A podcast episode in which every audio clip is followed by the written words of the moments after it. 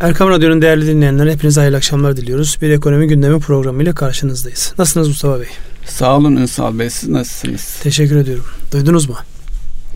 Ee, Neyi? Her şeyi duyuyoruz da hangisi? Çin 2019 yılın son çeyreğinde 29 yılın en düşük büyümesini gerçekleştirmiş en zayıf büyüme gerçekleşmiş. Yani bir taraftan evet. Evet gelen e, farklı haberlere baktığımızda bir taraftan ticaret savaşları öbür taraftan başka şeyler bunların yansımaları bir şekilde ekonomiye e, kendini gösteriyor. Bizim açımızdan önemli başlıklara baktığımızda da işte dün açıklanan e, Merkez Bankası'nın e, yılın ilk para politikası kurulu toplantısı sonucunda bir faiz indirimi oldu. Politika faizi 75 baz puan daha indirilerek 11.25'e getirildi. Dolayısıyla bunların etkileri var. Bunların önümüzdeki günlerde kura olan etkisi var. Var var var. Çok şey var. Şimdi önce duydunuz mu diye başladığım için siz duyduklarınızı söyleyin. Sonra e, beraber ortak duyduklarımızın üzerine geçelim. Bu arada yine bir başka başlıkta e, borsanın rekor üzerine rekor kırdığı hem işlem hacmi anlamında hem de tarihi seviyeleri gelme anlamında. Tabii bu dolar bazında henüz daha rekor değil dolar bazlı olarak rekora daha çok var. Ancak e, Türk lirası bazında baktığımızda rekor seviyedeyiz. Buyurunuz. Şimdi Çin evet 30 yılın en düşük e, büyümesi daha önce 9-10'lara alışmış bir Çin. Bu tabii Çin için bir problem. E, özellikle Amerika ile olan ticaret savaşıyla gelinen bir nokta. Çin'in kendi içerisindeki sorunları da var. E, ancak yılın 2019'un ikinci yarısında ve son geldiğimiz şey itibariyle Çin'in kendisinde toparlama olduğunu e, söylüyorlar. Yani Çin o durakla, duraklamayı tekrar aştı diye bir şey söz konusu. Tabii Çin bir de iki Çin haline e, gelmiş durumda. Bir tarafta e, refaha kavuşan, geniş kitlelerin zenginleştiği ama e, Çin'in bir yarısının da e, açlık sınırında fakirlikte fakirlikle boğuştuğu için üstelik bu komünist bir tek parti rejimi altında e, yaşanan bir şey. Çin'i önümüzdeki süreçte neler bekliyor? Herhalde dünyanın en önemli gündemlerinden birisi olmaya aday. Şimdi siz e, suyunuzu yudumlayın. Ben bu arada Çin ekonomisindeki büyümenin yüzde altı ve üzerinde olmasına rağmen niye bu kadar şaşkınlık oluşturduğu ile alakalı bir soru daha hazırlayayım size. Ne oluyor ki Çin ekonomisi yüzde altı büyüyor. Dünyanın başka yerinde olmayacak şekilde büyüyen bir ekonomi. Ona rağmen e, eyvah kötü bir şeyler oluyor şeklinde bir algı var burada. Bir taraftan da e, bir sıralama yapayım şu an dünyadaki en hızlı büyüyen ülkeler anlamında baktığımızda geçen yani şu an açıklanan datalar itibariyle baktığımızda en hızlı büyümeyi %7.9'da e, Bangladeş göstermiş. Sonra Vietnam geliyor. 6.9, Filipinler 6.20, Çin 6. Yani dünyanın dördüncü en büyük büyüyen. Şimdi hacimlere baktığınızda o rakamlar da çok enteresan. Bangladeş'in %8 büyümüş ama toplam ekonomik büyüklüğü zaten 274 milyar dolar. Çin'in ekonomik büyüklüğü 13.6 milyar dolar. Trilyon dolar pardon. Trilyon dolar. Dil bile artık yani söylemekte evet. zorlanıyor. Şimdi 13.6'nın %6 büyüdüğü ortamda rakibi 274 milyar %8 büyümüş. Yani bu büyüme inanılmaz bir e, rakam olarak önümüzde duruyor. Ona rağmen niye endişe çıkıyor ortaya? Bu konuda bir yani zihinleri netleştirmek açısından soruyorum. Nedir yani insanlar panikleten nedir? Şimdi e, şunu da dikkate almakla lazım. E, Doğu Asya'da yani Çin'in olduğu bölge e, di, çevresindeki ülkelerle birlikte hatta, hatta onları bir ekosistem olarak da düşünebiliriz. Daha önce Japonya ve Kore eksenli olarak. Orada Hindistan da var. Çin'e en büyük rakip olarak. Onlarda da ciddi büyüme var. Yani gelecekte önümüzdeki e, dönemde dünyanın ekseni orası olacak. Yani nüfus anlamında söylemiş olduğunuz rakam evet e, nüfusları neredeyse 100 milyon daha Çin'in nüfusu fazla görünüyor. Yani 1.4 milyar insan Çin'de yaşıyor. 1.3 milyar insan da Hindistan'da yaşıyor. Ama ekonomik büyüklüğe baktığımızda Çok enteresan. Çok büyük fark var. İnanılmaz fark var. Hindistan'ın ekonomik büyüklüğü 2.7 milyar şey trilyon dolar. Niye bu milyara taktıysam ben de.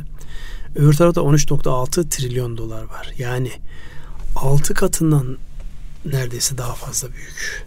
Yani nüfuslar aynı. Şimdi buradaki tartışacağımız şey ve çıkış noktası itibariyle baktığımız aslında Amerika'nın kendi eliyle şu an savaşıyormuş gibi gösterdiği yapı kendiliğiyle nasıl büyüttüğünü, Çin'in de o komünist disiplinine kapitalizme monte ederek nasıl büyüyebildiğinin enteresan bir göstergesi ve şu an Çin dünyada teknoloji üretebilen, kendi başına teknoloji üretebilen bir ülke konumuna gelmiş olması en büyük sıkıntı.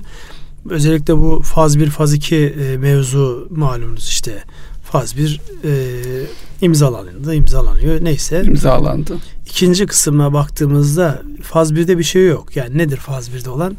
Amerikan üretmiş olduğu bazı tarım ürünlerinin alınması noktasında Çin'in tamam ben bunları alacağım demesi. Asıl problem faz 2'de ve faz 3'te. Teknoloji tarafı mesela hala daha e, Huawei'in Amerika'daki e, faaliyetleri hatta İngiltere e, şey yapıyor diye Huawei ile iş tutuyor diye niye siz bunlarla iş tutuyorsunuz bak aramızdaki e, anlaşmaları sıkıntıya giriyor güvenlik problemi var gibi başlıklarla olay başka bir tarafa doğru götürülüyor. Yani dolayısıyla yani rakamlar inanılmaz büyüyor. Bunu bu şekilde değerlendirdiğimizde Çin gerçeği farklı bir boyut kazanıyor. Buyurun.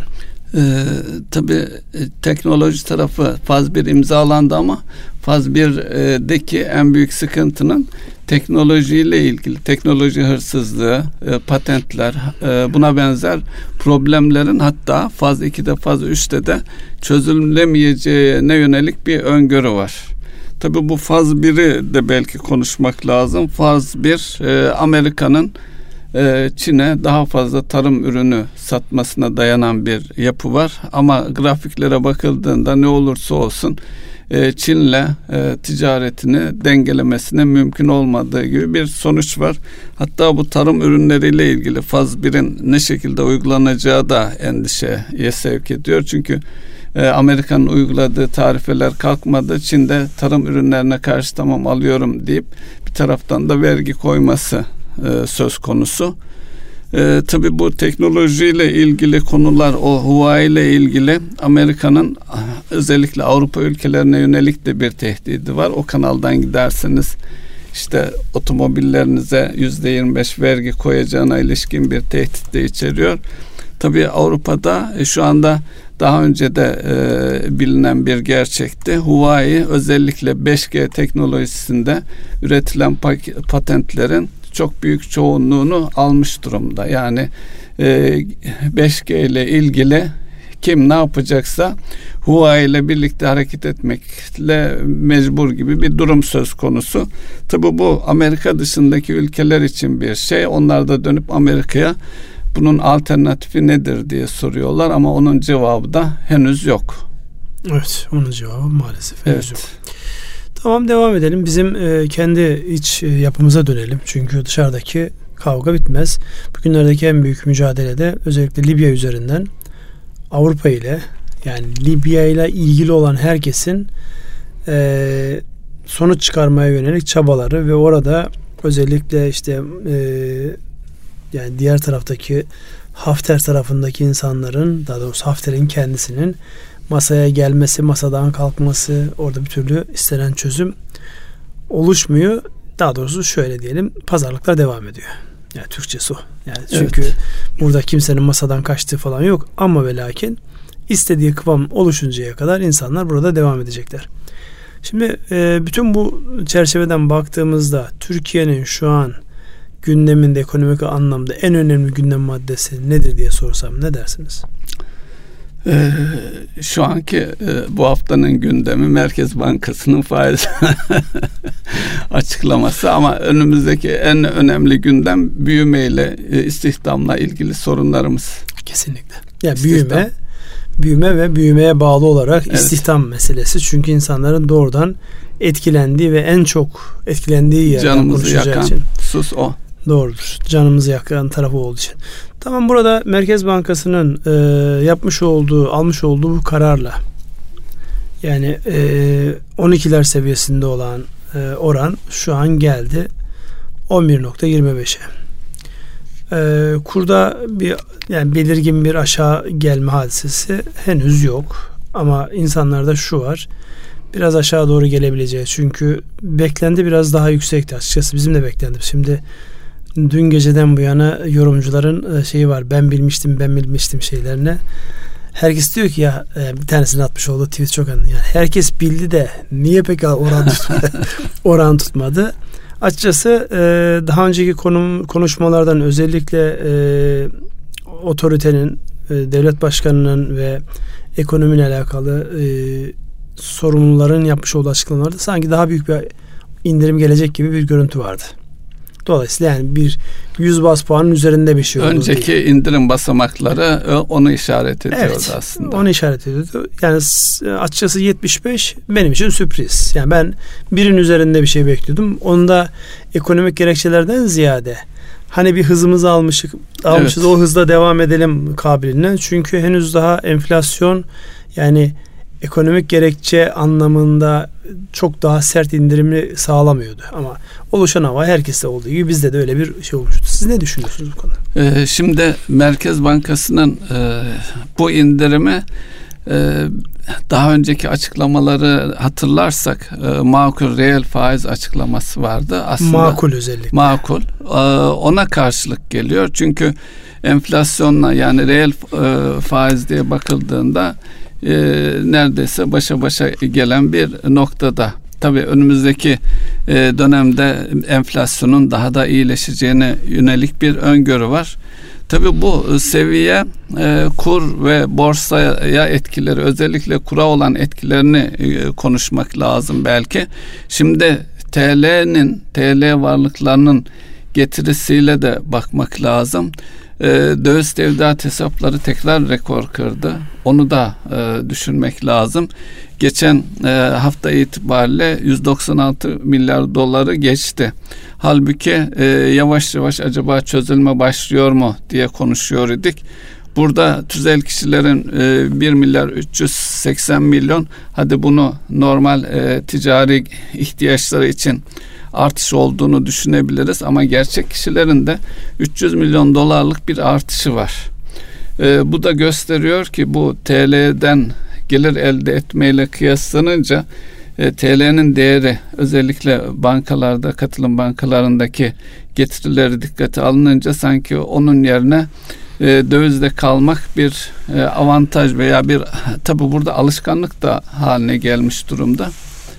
O öne çıkıyor. E, herhalde birkaç yıla alacak bir süreç. Çünkü e, yatırımlar açısından da e, TL'nin öne çıkması gerekir e, diye düşünebiliriz. Şimdi burada e, tabii ki TL'nin öne çıkması söz konusu olabilir. Ancak özellikle döviz tevdiat hesaplarının artmış olması bize şunu gösteriyor. Tasarrufunu sabit getirili ürünlerde tutan yani mevduatta ya da devlete borç vererek değerlendiren insanların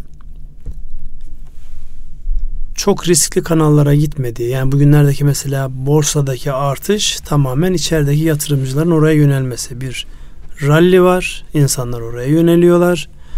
O yönelmenin temel unsurlarından bir tanesi e, getirisi olan kalemlerdeki beklentilerin düşmüş olması. Özellikle mevduat tarafında ister katılım hesabı olsun ister e, ticari bankalardaki mevduat hesabı olsun. Şu an geldiğimiz noktada getiri düşük seviyede. Niye döviz? Çünkü döviz e, anlamında baktığınızda özellikle çevre e, faktörleri dikkate alındığında her an bir politik riskleri mi kastediyoruz? Her an bir politik bir risk gelebilir, her an başka bir unsur gelebilir düşüncesiyle insanlar daha temkinli yaklaşıyorlar. Buradan dövizde kalma bir müddet daha devam edecek gibi gözüküyor. Çünkü benim şahsi değerlendirmemdir bu. Yani yıllardır işte finans sektöründeki gözlemimiz o. Ee, dövizdeki tasarruf tasarrufunu dövizde tutan insanların gideceği yer borsa değil. Sabit getirili en azından dövize niye dönüyorlar? Daha aşağı gelmez. Yani insanların hiçbirisinde şu konuşuluyor mu? İşte 5.50'lere gelir, 5.40'lara gelir gibi bir şey konuşuluyor mu? Teknik analiz olarak baktığında insanlar işte diyor ki 5.80'in altına inerse ben biraz daha alırım. nasıl olsa buralarda durur. En kötü ihtimallerde burada durur. Ani bir hareketlenmede alternatif getirilerin kadar bana gelir sağlayabilir. Ya da kaybetmem. Bakış açısı bu. Şimdi böyle olunca otomatik olarak döviz tevdiat hesabındaki miktarlar artıyor. Ee, bizi ilgilendiren taraf neresi? Kaynak krediye gidiyor mu? Kaynak ekonomiye gidiyor mu kısmında onun değerlendirmesini siz yapın. Şimdi e, şöyle bir e, kaynak e, yatırımlara gidiyor mu da belki daha en can alıcı soru bu olsa gerek. Şu anda yatırımlar gitmiyor. Krediler yatırıma gitmiyor. Hatta BDDK'nın aldığı bir karar var. Onunla birlikte de değerlendirmekte yarar var. Döviz döviz tevdiat hesaplarında e, biriken bir döviz tarafı var. E, bunun e, döviz tevdiatları da biriken e, paraların döviz olarak kredi kullanılmasına ilişkin daha önceki yıllarda aldığımız bir takım kararlarla bu e, asgari seviyeye indi. Özellikle ihracat olmayan e, firmalar için ve belli büyüklüğün altındaki kredi kullanan firmalar için böyle bir e, engel var. Bir taraftan da e, BDDK bir karar aldı. Özellikle e, değerli cep telefonlarında yani 3500 TL'ye e, atan, e, aşan bedeli aşan cep telefonlarında 3 taksit sınırı geldi. Yine yurt dışında e, tatil yapacak insanlar için pa- tatil paketleriyle ilgili de 3 e, taksit şartı geldi. Burada e, tabi paranın tüketime mi gitsin yoksa e, yatırımlara mı gitsin sorusunun cevabını ararken devlet e, tüketim harcamalarını e, engelleyerek veya zorlaştırarak tüketim e, eksenli bir büyümeden yatırım, üretim eksenli bir büyümeye yönelik bir tedbir almaya çalıştığını belki düşünebiliriz. Yani o e, şeyi ifade ediyor bu e, açıklamalarda yapılan Şimdi alınan bir taraftan o var ama öbür tarafta da şu var. Yani bankacılık sektörü özellikle kamu bankaları değil, özel sektör bankaları şu an nereye yöneldiler? Tüketici kredilerine yöneldiler. Evet.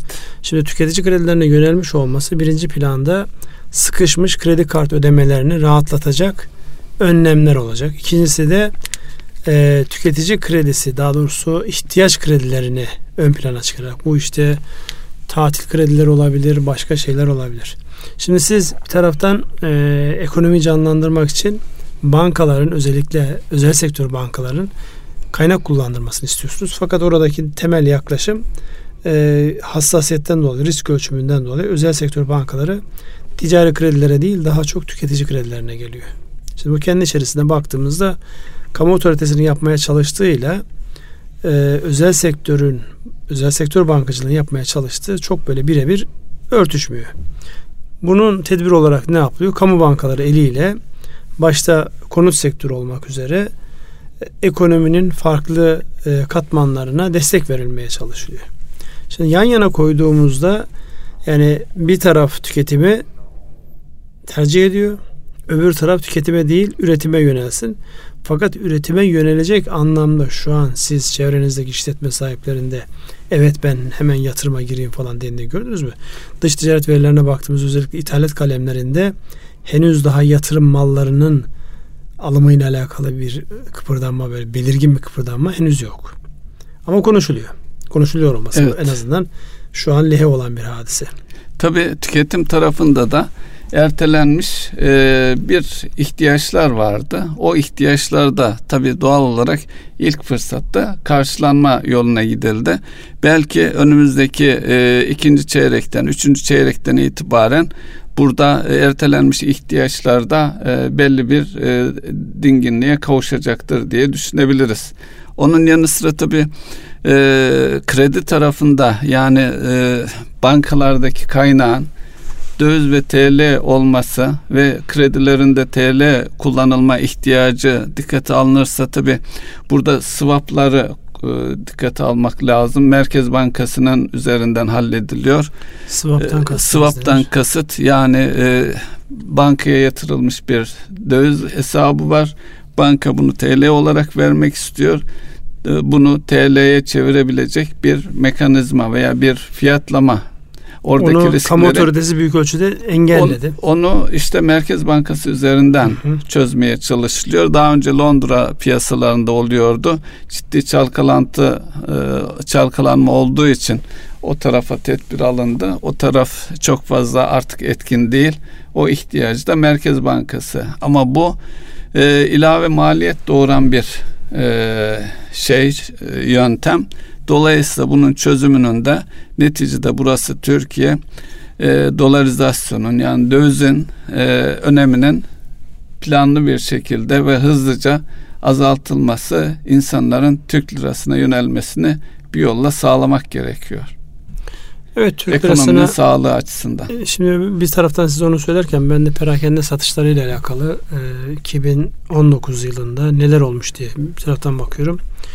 Yani burada e, Nisan ve Haziran aylarındaki hatta Temmuz ayındaki eksilerin dışında perakende satışlarında bir artış var. Şimdi bu artışa baktığımızda henüz daha aylık e, oranlar en son e, yayınlanan veride 1.7'lik bir artış gözüküyor. Şimdi insanlar en azından perakende satışların geri gelmiyor olması insanların ekonomik anlamda hala daha harcama noktasında kaldıklarını gösteriyor. Yani orası zorunlu olan taraf bir taraftan var. Bir taraftan da ötelenmiş kısım var. Az önce sizin söylemiş olduğunuz başla e, binaen. Bundan sonraki süreçte peki bu ne olacak? Yani kredi desteği olmaz ise şayet. Bir taraftan da taksit sayılarında bir e, geriye çekilme var. Bu nerelere nasıl etkileyecek? Yani şimdi bir taraftan işletmeler var. İşletmeler buradan nasıl etkilenecek sorusunu kendi anladığımız, baktığımız yerden biraz yorumlasak. E, tabii bu e, özellikle alınan e, sınırlamalar biraz lüks tüketimi engellemeye yönelik olduğu söylenebilir ve yurt dışı e, tatil harcamaları da aynı şekilde e, dikkate alınabilir. Ama ekonomimizin büyüklüğü ve hizmet sektöründeki ağırlığın gittikçe artması açısından bakıldığında da yani tüketim tarafında da belli bir büyüklüğün devam etmesi, onun kendi kendini çevirmesi de kaçınılmaz görünüyor. Hı hı. Yani özellikle burada belki yine e, ihracatı hedefleyen bir takım e, üretim artışları söz konusu olması olmalı. E, bu e, kur şokundan itibaren baktığımız zaman da e, birçok firma e, ihracat tarafında etkin olmak için dünya piyasalarını dolaşmaya başladı. Tabii bir ürünün ihracatını yapabilmek işte belli fuarlarda boy göstereceksiniz. Bu birkaç fuarda insanlar sizi görecek, size e, olan inançlarını pekiştirecekler. Yani özellikle Batı ülkelerini düşünürsek e, çok sabırlı bir şekilde hareket etmek gerekiyor. E, şirketler yine ihracata yönelik kadrolarını da oluşturmaya başladılar. E, bana göre şahsi kanaatim benim 2020'den itibaren e, ihracat yönüyle daha önce oralarda yer almamış firmaların da artık sonuç elde etmeye başladıkları bir yıl olacağını düşünüyorum. Bunun arka planda da tabiatıyla bir ürün ihraç edecekseniz müşterinin ihtiyaçlarına göre onu bir takım e, geliştirmelere tabi tutmanız gerekiyor. Onun karşılığı da üretim süreçlerinizde, üretim yöntemlerinizde değişikliğe bir diğer ifadeyle de yatırımları zorunlu kılar. Bunların hepsiyle birlikte e, devam edecek ancak bu e, her an harekete geçebilecek o tüketim alışkanlığı tabi davranışsal ekonomi açısından da bakarsak o alışkanlıkları da tekrar masaya yatırmak ve onları değiştirmek gibi bir ihtiyaç var. Daha önce de konuşmuştuk. Ee, bir cep telefon değişim süresi 18 aylara kadar inmişti. Bu iki katına kadar çıktı. Buraları tekrar yani bir e, belli e, ürünlerin e, bir itibar algılamasından çıkarılmasına uğraşmak lazım. Şimdi burada söylemiş olduğunuzdan hareketle özellikle dış ticaret tarafında ekonominin büyüyeceği konusu herkesin dilinde konuşulan bir mevzu.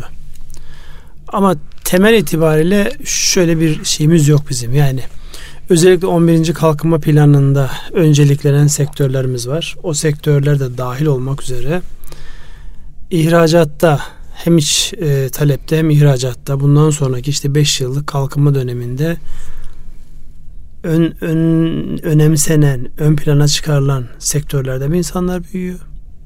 Yoksa alışık oldukları geçmişten gelen sektörlerde mi büyüyor? Diğer bir başlık dış ticarette hangi ülkelere gitme noktasında özellikle verilerin bu kadar değerli olduğu bir dönemde bizim elimizde yeterince iyi işlenmiş veri var mı? Yani biz herhangi bir sektörde mesela geçen hafta sizinle biz bir e, mobilya sektöründe birkaç e, ziyaretimiz olmuştu. Şimdi oradaki e, temel görmüş olduğumuz hadise neydi? Evet biz bir ihracat yapıyoruz. Birkaç milyar dolarlık mobilya sektöründe ihracat yapıyoruz. Ama blok ihracat yapanımız yok. Parça parça parça. Ve bunu daha önceden gıda sektöründe görmüştük. Gıda sektörünün en belirgin olanı işte yatırımda kapasite fazlası olan un sektöründe görüyoruz. Makarna sektöründe görüyoruz. Ne oluyor? İnsanlar yurt dışında piyasa edinebilmek için aslında yeni bir şey yapmıyorlar.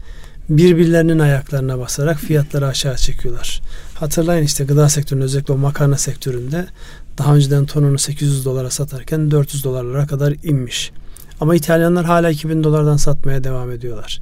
İtalyan algısından dolayı biz kalite anlamında hiçbir şekilde oradan geri olmadığımız halde kendi topuğumuza sıkarak 800 dolarlık e, pastayı kendi elimizde 400 dolara getiriyoruz. Böyle mi olmalı? Buradaki strateji ne olmalı? İnsanların özellikle tamam dış ticarette büyüyelim de yani en kolay yol nedir? Komşular ne yapıyorsa işte argeyi biz arakla getir diye algıladığımız için yani kimin piyasası var orada kim satıyor? İşte Mustafa Bey satıyor. Ben gideyim Mustafa Bey'in piyasasına ortak olayım. Bu mudur hedeflenen? Yani buradaki bakış açısı ne olmalı sizce? Ünsal Bey sizin söylediğiniz e, şeyin içerisinde ticari ahlak da var. Yani rakiplerin e, kötülenmesi gibi. Tabii daha önce e, özel zamanda hatırlarsanız dış ticaretin artırılması için dış ticaret sermaye şirketleri kurulmuştu. Tabii şimdi mobilya sektöründeki gibi birçok firmanın kendi boyunca ihracata soyunduğu zaman orada e, fiyat belirleme veya işte lojistik imkanları, tedarik zinciri konularında çok fazla rekabet şansları da olmayacaktır. Yani makarna örneği verdiniz. İtalya'daki o meşhur makarna dünya çapında e, bir dünya devi. Tabii onunla diğerlerinin rekabet etmesi ancak fiyat şeyinde olabiliyor. Fiyat da olabiliyor. Belki e, belli sektörlerde konsolidasyon gibi imkanlar olabilir mi? Bilemiyorum yani. Al, Almanya örneğinde Almanya'da Kobiler var. Kobiler büyük markaları otomotiv şirketlerine e, destek veriyorlar. Yani bir şemsiye altındalar. Ama dediğiniz gibi bizim ülkemizdeki mobilya veya un sektörü birçok sektör firmalarımız henüz küçük e, dolayısıyla da organize hareket etmek yerine birbirleriyle rekabet etmek belki onlar için daha kolay veya yapabildikleri bu diyebiliriz belki de. Onun için stratejik bir çözüm olur mu olmaz mevcut, bilmiyorum. Mevcudun analizini e, yaparız yani. Ne yapalım ellerinden gelen bu dedik. Burada e, özellikle yeni başlayanlar ya da bu alanı genişletmek isteyenler. Şimdi neydi o meşhur e, Hansof'un e, stratejinin babası diye sayılan Hansof'un e, mevcut piyasa mevcut ürün arasındaki dengede evet. eğer mevcut ürününüzü mevcut piyasanıza satacaksanız derinleşeceksiniz. Penetrasyon e, meselesini konuşmanız lazım. Yani dün 100 birim satarken bugün 150 birim satmayı aynı ürünleri aynı piyasaya 150 birim satmanın yöntemini bulacaksınız. Yani dün e, sizin satmış olduğunuz üründen 10 çeşit yemek yapılıyorsa 20 çeşit yemek yapılma noktasında insanların ufkunu açacak bir derinleşmeye ihtiyacınız var. Birinci şık bu. Şimdi ihracatta bizim toplam rakamımız hızlı geldik. Belli bir rakama ulaştık. Büyüyoruz.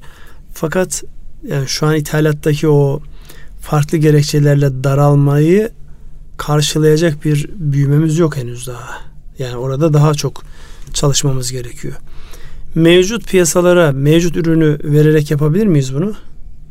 Çok kolay değil. Değil. Dolayısıyla bizim piyasa genişletmemiz lazım. Ya da ürün genişletmemiz lazım. ürünü değiştiremiyorsak piyasaları çoğaltmamız Şimdi lazım. burada en zor olan şey yeni piyasalara yeni ürün sunmaktır. En zor olan odur ya. Çeşitlendirme dedikleri hadise. Burada en zor olan hadise budur. Şimdi siz bilmiyorsunuz piyasayı ve daha önceden kimseye satmadığınız bir ürün geliştirmişsiniz. Bu burada tutar. Yok böyle bir şey.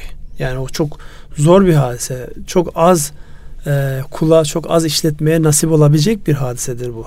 Siz yeni bir ürün geliştiriyorsunuz ve daha olmayan daha önceden olmayan bir piyasaya giriyorsunuz ve oranın altın üstüne getiriyorsunuz. Bu ancak işte teknoloji gibi ya da işte biraz böyle modayla gelip giden ürünlerde olduğu gibi olabilir. Ama biz yüksek teknoloji üretimi yapan bir ülke değiliz. Sattığımız şeyler belli, ürettiğimiz şeyler belli. Bunları yan yana koyduğumuzda buradaki bizim yapabileceğimiz en iyi şey yeni ürün, mevcut piyasa ya da yeni ürünü e, yeni, piyasada. yeni piyasada deneyeceğiz ama o çok zor olduğunu zaten az önce söyledik. Ya yeni piyasa bulacağız ya mevcut piyasamıza yeni ürün sunacağız. Yani üçüncü şık noktasında zor. Ve bunu öyle bir şekilde yapacağız ki birbirimizin ayağına basmadan. Yani işletme olarak sizin işlerinizin büyüyor olması yine Türkiye'den başka bir ülke şey firmanın küçülmesi anlamına geliyorsa bu ülke genel açısından baktığımızda e, bir başarı olarak görülür mü? Görülmez diyeceğim de olumsuz konuşmamak adına diyemiyorum. Buyurun. Peki burada tabii çıkış yolu olarak e, mesela e, bir ürünü gıda ürünlerinde de özellikle şeydir. Bir ülkede satıyorsanız diğer ülkede satmaya kalktığınız zaman o ülkenin e, standartlarını kontrol eden kuruluşların tümünün denetiminden geçmenizi zorunlu kılıyorlar. Tabii bu e, ülkeler açısından stratejik bir şey. Bu da sizin en azından ilave maliyetler ve e, ihtiyaç duyduğunuz büyük geniş bir zamana karşılık geliyor. E, bir diğer yöntem de şirket evlilikleriyle veya şirket satın alma, Batı ülkelerindeki şirketleri satın alma veya oradaki büyük şirketlerle ortaklık kurarak o ülkelerin e, pazarlarına hitap edebilmek belki bir çıkış yolu olabilir mi? Özellikle e, Türkiye'deki birçok firma e, Batı ülkelerindeki ortakları var. Dolayısıyla daha doğrusu satılmış veya kısmen satılmış durumda onlar daha e, ihraç edilecek Batı ülkelerinin standartlarında üretim yapma şansına ve o marka altında ihracat yapma şansı var. Tabi burada da katma değer nerede oluşuyor, kar nerede oluşuyor o dengeyi de gözetmek gerekiyor. Ya şimdi burada e, gerçekçi olmak lazım. Özellikle çok uluslu, ülke tanımayan işletmelerin bakış açısıyla ülkenin bakış açısının birebir örtüşmesi beklenemez. Yani sizin bir otomotiv sektöründe dünyanın 20 ülkesinde üretim yapan bir şirket gelmiş Türkiye'de de üretim yapıyor. Siz ülke olarak en fazla X modelini tüketiyorsunuz içeride. Ama o firma o modeli Türkiye'de üretmiyor. Başka bir yerde üretip Türkiye'ye getiriyor. Türkiye'de ürettiği bir modeli de başka bir yere satıyor. Evet. Şimdi bu açıdan baktığınızda kendi açısından baktığınızda müthiş bir denge var orada. Yani öyle bir e, dengeyi kuruyor ki ben burada üreticiyim. Dolayısıyla o üretici olmaktan dolayı diğer ürünleri buraya getirip satmamı engelleyemiyorsunuz. Çünkü aynı zamanda ben buranın bir firmasıyım.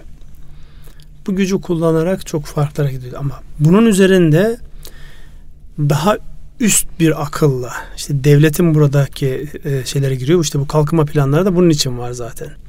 Ama bunların uygulamasıyla alakalı özellikle kamu otoritelerinin birbiriyle farklı güçlerin birbiriyle ahenkli gitmesi hadisesi var. Şimdi hatırlarım bankacılık sektöründe e, çalıştığımız dönemde yurt dışında biliyorsunuz e, IMF toplantılar olur. Her sene bir ülkede olur. iki sene Amerika'da olur sonra bir sene Amerika dışında olur. Şimdi Amerika'da ya da Türkiye'de olan IMF toplantılarında özellikle ülkelerin kendi organizasyonları olur. İşte X bankası kendi ülkesini tanıtan bir etkinlik düzenliyor. Ya da işte akşamında insanları bir araya getirecekler etkinlik düzenliyor. İstisnasız bütün toplantılarda gördüğünüz bir millet vardı Çinliler. Her toplantıda varlar ve çok organizeler. datalarıyla gelip çalışıyorlar. Şimdi bunun karşılığı nedir bizdeki? Yurt dışındaki büyükelçilikler bünyesinde ya da işte konsolosluklar bünyesindeki ticari işte ateşe ya da teknik anlamda adı neyse. Şimdi buralardan bize doğru bilgi akıyor mu? Buralardan doğru şey geliyor mu? Çin'le şu an Amerika'daki arasındaki en büyük e, kavga nerede? Teknoloji casus. Evet. Ne yapıyorlar? Oturdukları yerde e, ticari ateşelikte oturdukları yerden mi yapıyorlar bunu? Hayır. Bütün mühendisleriyle, öğrencileriyle, evet. üniversiteleriyle dört bir koldan organize bir, bir olarak, e, şekilde beyin merkezde o beynin belirlemiş olduğu strateji doğrultusunda her tarafta varlar. Dolayısıyla bizim yani bunu ister şirketlerimiz bazında bakalım, ister ülkenin genelinde bakalım. Bu bilince ulaştıracak adımlar atıyor olmamız lazım. Bunu devletten beklemek de yanlış. Yani meslek şey, örgütlerine ne diyorsunuz? Meslek örgütleri abi? yapacak bunu. Yani burada konuşulacak çok şey var. Şimdi yapısal anlamda şimdi hep bir başkasını ya bizim kültürümüz nedir? Yani maalesef genelleme yapıyoruz. Genelleme yapmadım bir. O yapsın. Bir başkasını e, ben iyisini yapıyorum, ben doğrusunu ben yapıyorum. Bir aksilik, aksilik varsa, eksiklik varsa o sizden kaynaklanıyor, benden kaynaklanmıyor. Bir kere önce bu bakış açısını bir değiştirmemiz gerekmez mi? Bir eksiklik varsa muhakkak benden kaynaklanan bir şey de olmuştur.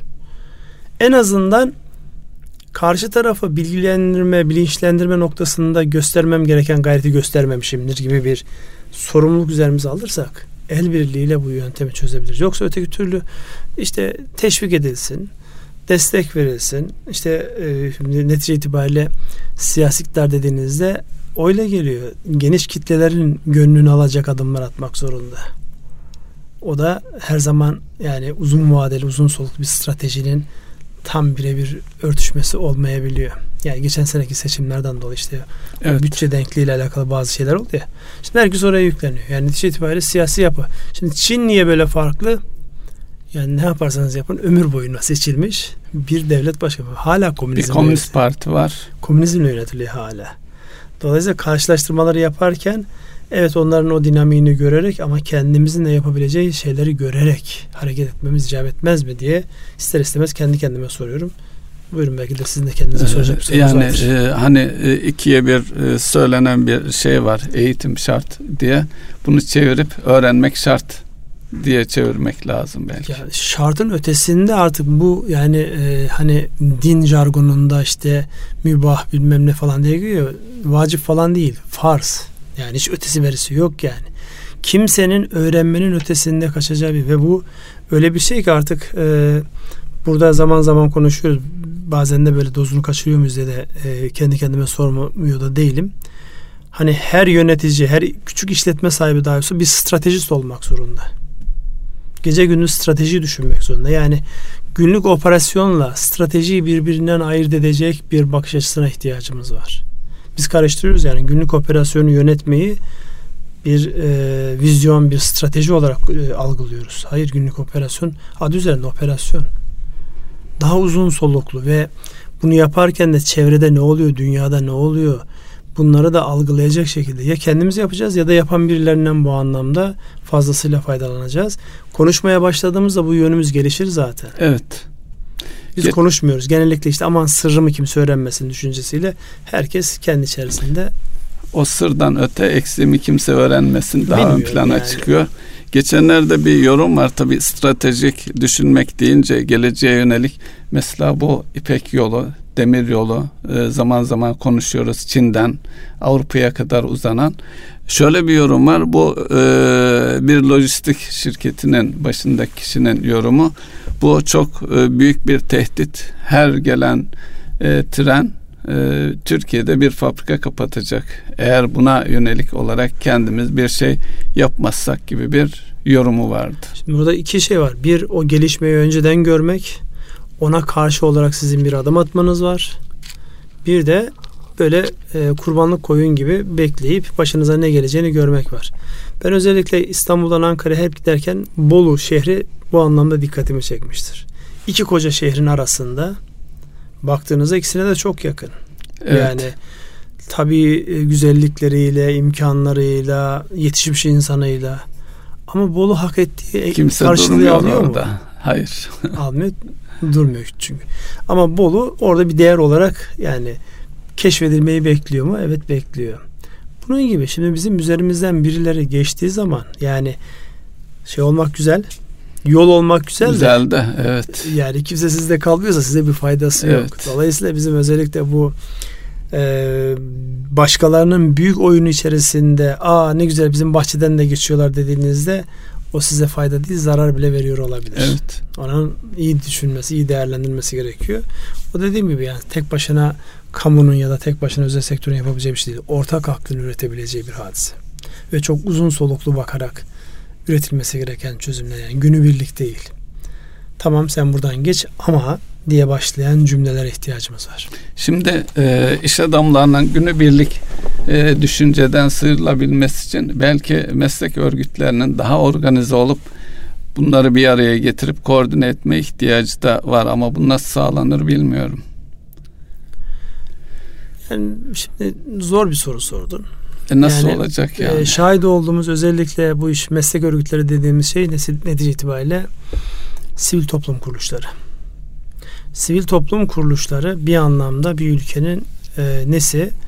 Özellikle e, kamunun önünde adı üzerinde herhangi bir ticari faaliyet olmadığı için e, ulvi amaçlarla oluşturulmuş yapılar. Bunların ürettikleri çıktıların gerçekten o ulvi amaçlara hizmet ediyor olması arzulanır. Öyle işliyor mu?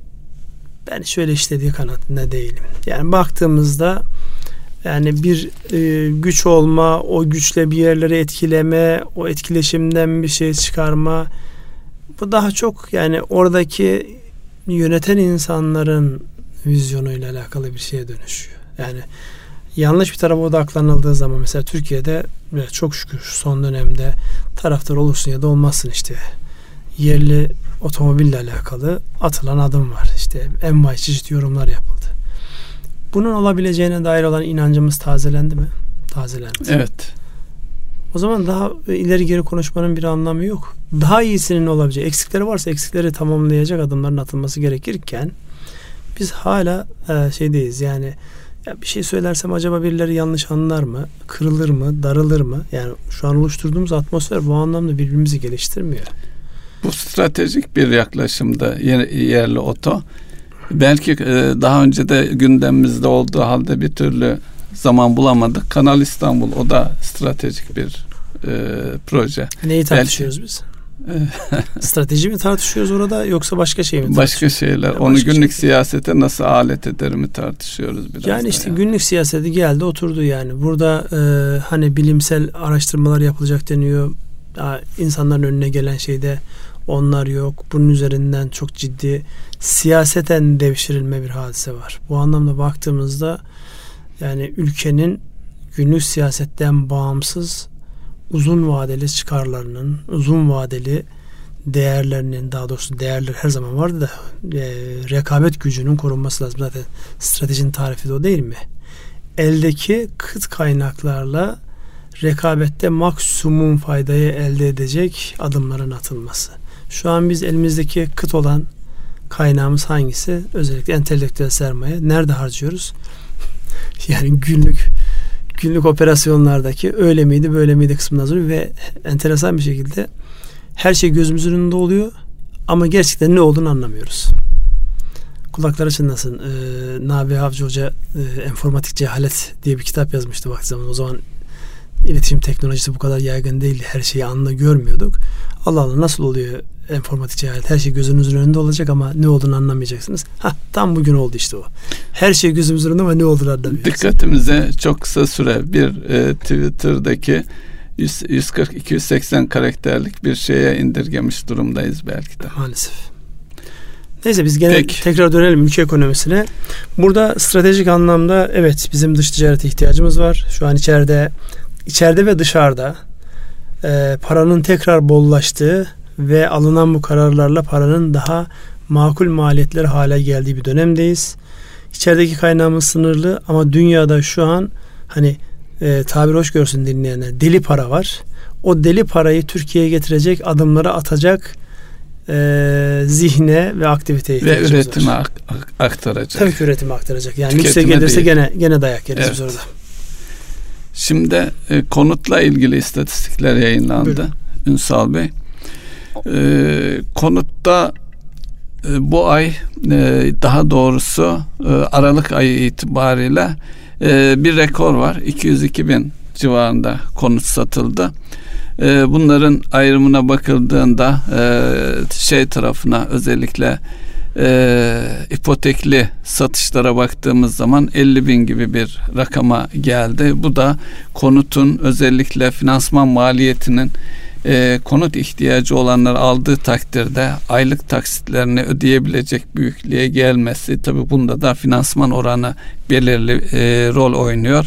Onunla birlikte e, geldiğimiz nokta itibariyle 202 bin tabi geçen ay e, harçlarla vergilerle ilgili de e, indirimler yapılmıştı. Son e, yıl başında bitti.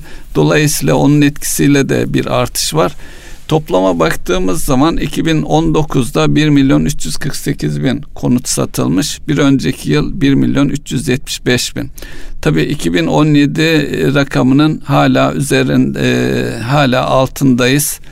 E, tabii bu e, zaman içerisinde de birikmiş stok sorunu var. Son dönemde tabi bu artış her ne kadar iyi de olsa konut sektöründe özellikle değerli konut vergisiyle ilgili bir kafa karışıklığı ve endişeye neden oldu. Bu konut e, değerli konut işi e, Aralık ayında e, konut sahiplerine gönderildi ama orada bir belki ertelenmesi veya değişikliğe gidilmesi elzem görünüyor. İnsanlar konutunun değerli hale gelmesinden mutluluk duyarken bu sefer de konutları nasıl değerleş, değersizleştirim gibi bir sürece geliyor. Bugün e, ilk vergi diliminin eşiği 5 milyon. Tabi insanlar şöyle de bakıyor. Ya bugün için 5 milyon. Yarın ya 3 milyon olursa gibi. Dolayısıyla burada e, 5 milyon hele 10 milyonu aştığı zaman yüzde birlik bir rakam var e, bu e, insanların yatırım için yani gel, gelir getirmek için aldıkları bir ürün zaman içerisinde bu değerli konut vergisi doğrudan kirada olanlarda kiraya mı yansıyacak yansırsa ne olur veya e, kişiler kendi evinde otururken değerli konut vergisini adeta bir kira gibi mi algılayacaklar ki öyle algılayacaklardır. Bu da konut sektörünün e, temelden sarsan, yeniden dizayn edilmesini edilmesine yol açacak bir süreç. Belki daha küçük konutlar yapılacak. E, bilemiyorum artık nasıl bir de, değişim dönüşüm olur. Kendi içerisinde çelişen şeyler var. Bir tanesi İstanbul gibi yani mega mega bir değerli şehri, konutların yüzde 85'i İstanbul'daymış. Tamam. İstanbul gibi mega mega bir şehri daha bir megalaştıracak adımlar atılıyor. Ve bu e, oluşan rantın önemli bir kısmı yani inşaat e, yapım maliyetlerinde devasa şey yok. Yani insanlar harçta zebercet falan kullanmıyorlar. Kum kum, çimento çimento. Yani orada böyle e, işte şehrin kenarındaki konutlarla lüksü arasında böyle 10 kat 20 kat bir maliyet yok. farkı yok. Maliyet farkı nereden geliyor? Arsadan geliyor. Arsadan, konumdan geliyor. Şimdi siz şehri geliyor e, bir marka şehir olarak değerlendiriyorsunuz. Ve ben içinde oturduğum dededen kalma, babadan kalma konutum değişiyor. Yani buradaki mantığı gerçekten anlamakta e, zorluk çekiyorum ben. Yani buradaki amaç bizim kültürümüzde de konut sahibi olma arzusu var.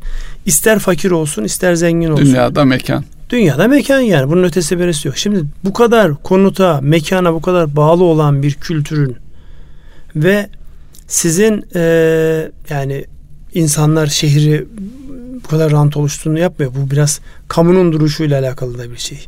Kamu eliyle oluşturmuş olduğunuz bir yerde bunu oluşturduğunuz zaman yani o zaman insanın gayri ihtiyarı soruyor ya gerçekten ne yapılmak isteniyor? Yani bu tamam bütçe denkliği sağlamak açısından ortada bir değer varsa üzerinden e, alınsın. Emlak vergisi zaten bunun için var. Ama siz onu kalkıp farklı bir şey yaptığınızda ben açıkça söyleyeyim yani bunu kamu otoritesindeki e, düzenleme yapan insanlar da herhalde şey yapıyordur. Ben anlamadım. Gerçekten anlamadım bunu. Amaç ne? Evet. Amaç ne burada? Ve bu amaç da yüzde sekseninde İstanbul gibi bir şehirdeyse bu değer de e, siz oluşturmuşsunuz. Yani ha bir dakika değer oluştu bunun üzerinden deniyorsa e, emlak vergileri zaten bunun için yok mu? Var evet. Dolayısıyla burada yani e, mülkiyet edinme zihniyeti değişiyor, her şey değişiyor. Yani inşallah bu, bu bir şeye oturur yani. Sağlıklı bir zemine oturur. Çünkü dediğiniz her şey. Herkes birbirine soruyor. Sizin siteye ne geldi, bizim siteye ne geldi diye evet. sorular geliyor. Bakalım göreceğiz hep beraber göreceğiz. Parakende'ye değindiniz Ünsal evet. Bey. Tekrar e, onlara e, ciroya değindiniz. E, burada e, ilave değinmek istediğiniz e, bir taraf var mı? Ya o yok sadece dikkat çeken özellikle datalar açısından baktığımda işte turizm, turist sayısında belirgin yani bir artış var. Özellikle yani sonbaharda, kışta olmamıza rağmen yani turist e, sayısında geçmiş yıllara kıyaslandığında hala bir ivmelenme, yukarı doğru bir akış var. Dolayısıyla bu önemli bir hadise. Bu sadece Türkiye'nin bir cazibe merkezi olmasından ziyade dünyada artık insanlar gezmek istiyor. Artık o oturan insandan gezen insana bir dönüş var. Gelecekle alakalı ana akım tartışmalarındaki önemli başlıklardan bir tanesi gelir seviyesi ne olursa olsun insanlar artık mekanlarına uzak olan yerleri işte tarihinden dolayı, kültürel özelliklerinden dolayı gidip ziyaret edecekler. Dolayısıyla bizim bu konuyu biraz daha böyle derinlemesine el alıp buradan azam ölçüde çünkü e, yoğun bir şekilde pazarlayacağımız çok şeyimiz var. Tarihimizle, kültürel ortak paydayla yani burası bir cazibe merkezi. Bu cazibe merkezini daha yukarı nasıl taşırız sorusunun cevabını önümüzdeki dönemde göreceğiz. Aylar itibariyle baktığımızda yani her ay bir öncekine göre yüzde onların üzerinde yani geçen seneyle karşılaştığımızda evet. artışlar var. Bu önemli ve sevindirici bir başlık. Bunun çevremizdeki ateş hattının bizden uzaklaşmasıyla daha da yoğunlaşacağı gibi bir görüntü var. Ee, yakın coğrafyamızda insanların sadece turistik değil ticari amaçla gelip buradan aldığı şeyler var. Ülke olarak cazibiz. Bulgaristan'dan, Yunanistan'dan insanlar hafta sonları gelip buradan e, bagajlarını doldurup alışveriş, alışveriş yapıyorlar. Onlar bir artı. AVM e, işte cennet haline sadece geldi. Sadece AVM evet. değil. Oradaki pazarlar, çarşılar bunlara da hizmet ediyor. Dolayısıyla farklı bir boyuttayız. Bunların iyi okunması, birbirini ezmeden gücümüzü zayıflatmadan devam ediyor olması beklenir, istenir, arzulanır. Ünsal Bey, Ciro Endeksi de açıklanmıştı. Orada da sizin söylediklerinizi destekleyecek şekilde en yüksek artış bir önceki yıla göre konaklama ve yiyecekte 23,7'lik bir artış var ki Ciro endeksinin artışı da 14,8 e, seviyelerinde hem hizmet ve hem şey açısından üret e, şey sanayi ve diğer e, koşullarda ee, burada imalatta 9,8 imalatta da üretim tarafında da e, büyüme ihtiyacımızı zaten e, endekslerin hepsi de işaret ediyor. Şimdi bu bir sürü rakamlara bakılarak bir sürü şey söylenebilir. Zamanımız da daraldı, bitmek üzere. Ama şurada gördüğümüz çok net bir şey var. Türkiye'nin özellikle yani yıllar itibariyle baktığımızda e, fazlasıyla oynak olan içeriye sermaye girişi yani kalıcı sermayenin girişiyle alakalı noktalarda işte geçtiğimiz 2018'in o atağında ve sonraki süreçte ekside olan şeyin tekrar artıya döndüğünü görüyoruz. Bunun devam ediyor olması arzulanan yani en yüksek rakamdan işte e, aylık bazda baktığımızda en yüksek rakamdan ya da yıllık bazda baktığımızda en yüksek rakamdan çok uzağındayız. Burada bir fırsat var. Bu fırsatın değerlendirmesi icap eder fırsatı değerlendirecek zihniyetle ancak biz onlara önereceğimiz bir şey varsa yani insanlar durup dururken gelip bize paralarını vermezler. Bizim onlara paralarını vermelerinin onlar için de bizim için de anlamlı olduğunu gösterecek adımlar atıyor olmamız lazım. Burada da yine e, bize düşen işte o stratejik bakış açısını tekrar gözden geçirmek olacak. Evet programın sonuna geldik. Ne söylemek istersiniz? Ee, iyi dileklerimizle Kapatalım Ünsal. İyi kapatın ben e, bir şeyi tekrarlayayım. Yani burada ister bir işletmede yani orta kademe yönetici olun, ister bir işletmenin sahibi olun, isterse o işletmede çalışan birisi olun. Herkes kendi açısından kendine ve ülkeye katkı sağlamak açısından stratejik düşünmek zorunda. Olayın fayda maliyet analizini ve gelecekteki gelişmeleri düşünerek adım atmak zorunda. Onun için e, buradan yani radyoda bu istenir mi bilmiyorum ama herkesi stratejist olmaya davet ediyoruz. Hepsine bu anlamda bir mesaj verim. Erkam Radyo'nun değerli dinleyenleri bir ekonomi gündem programının daha sonuna geldik. Sürçülisan eylediysek affola. Hayırlı akşamlar diliyoruz. Hayırlı akşamlar.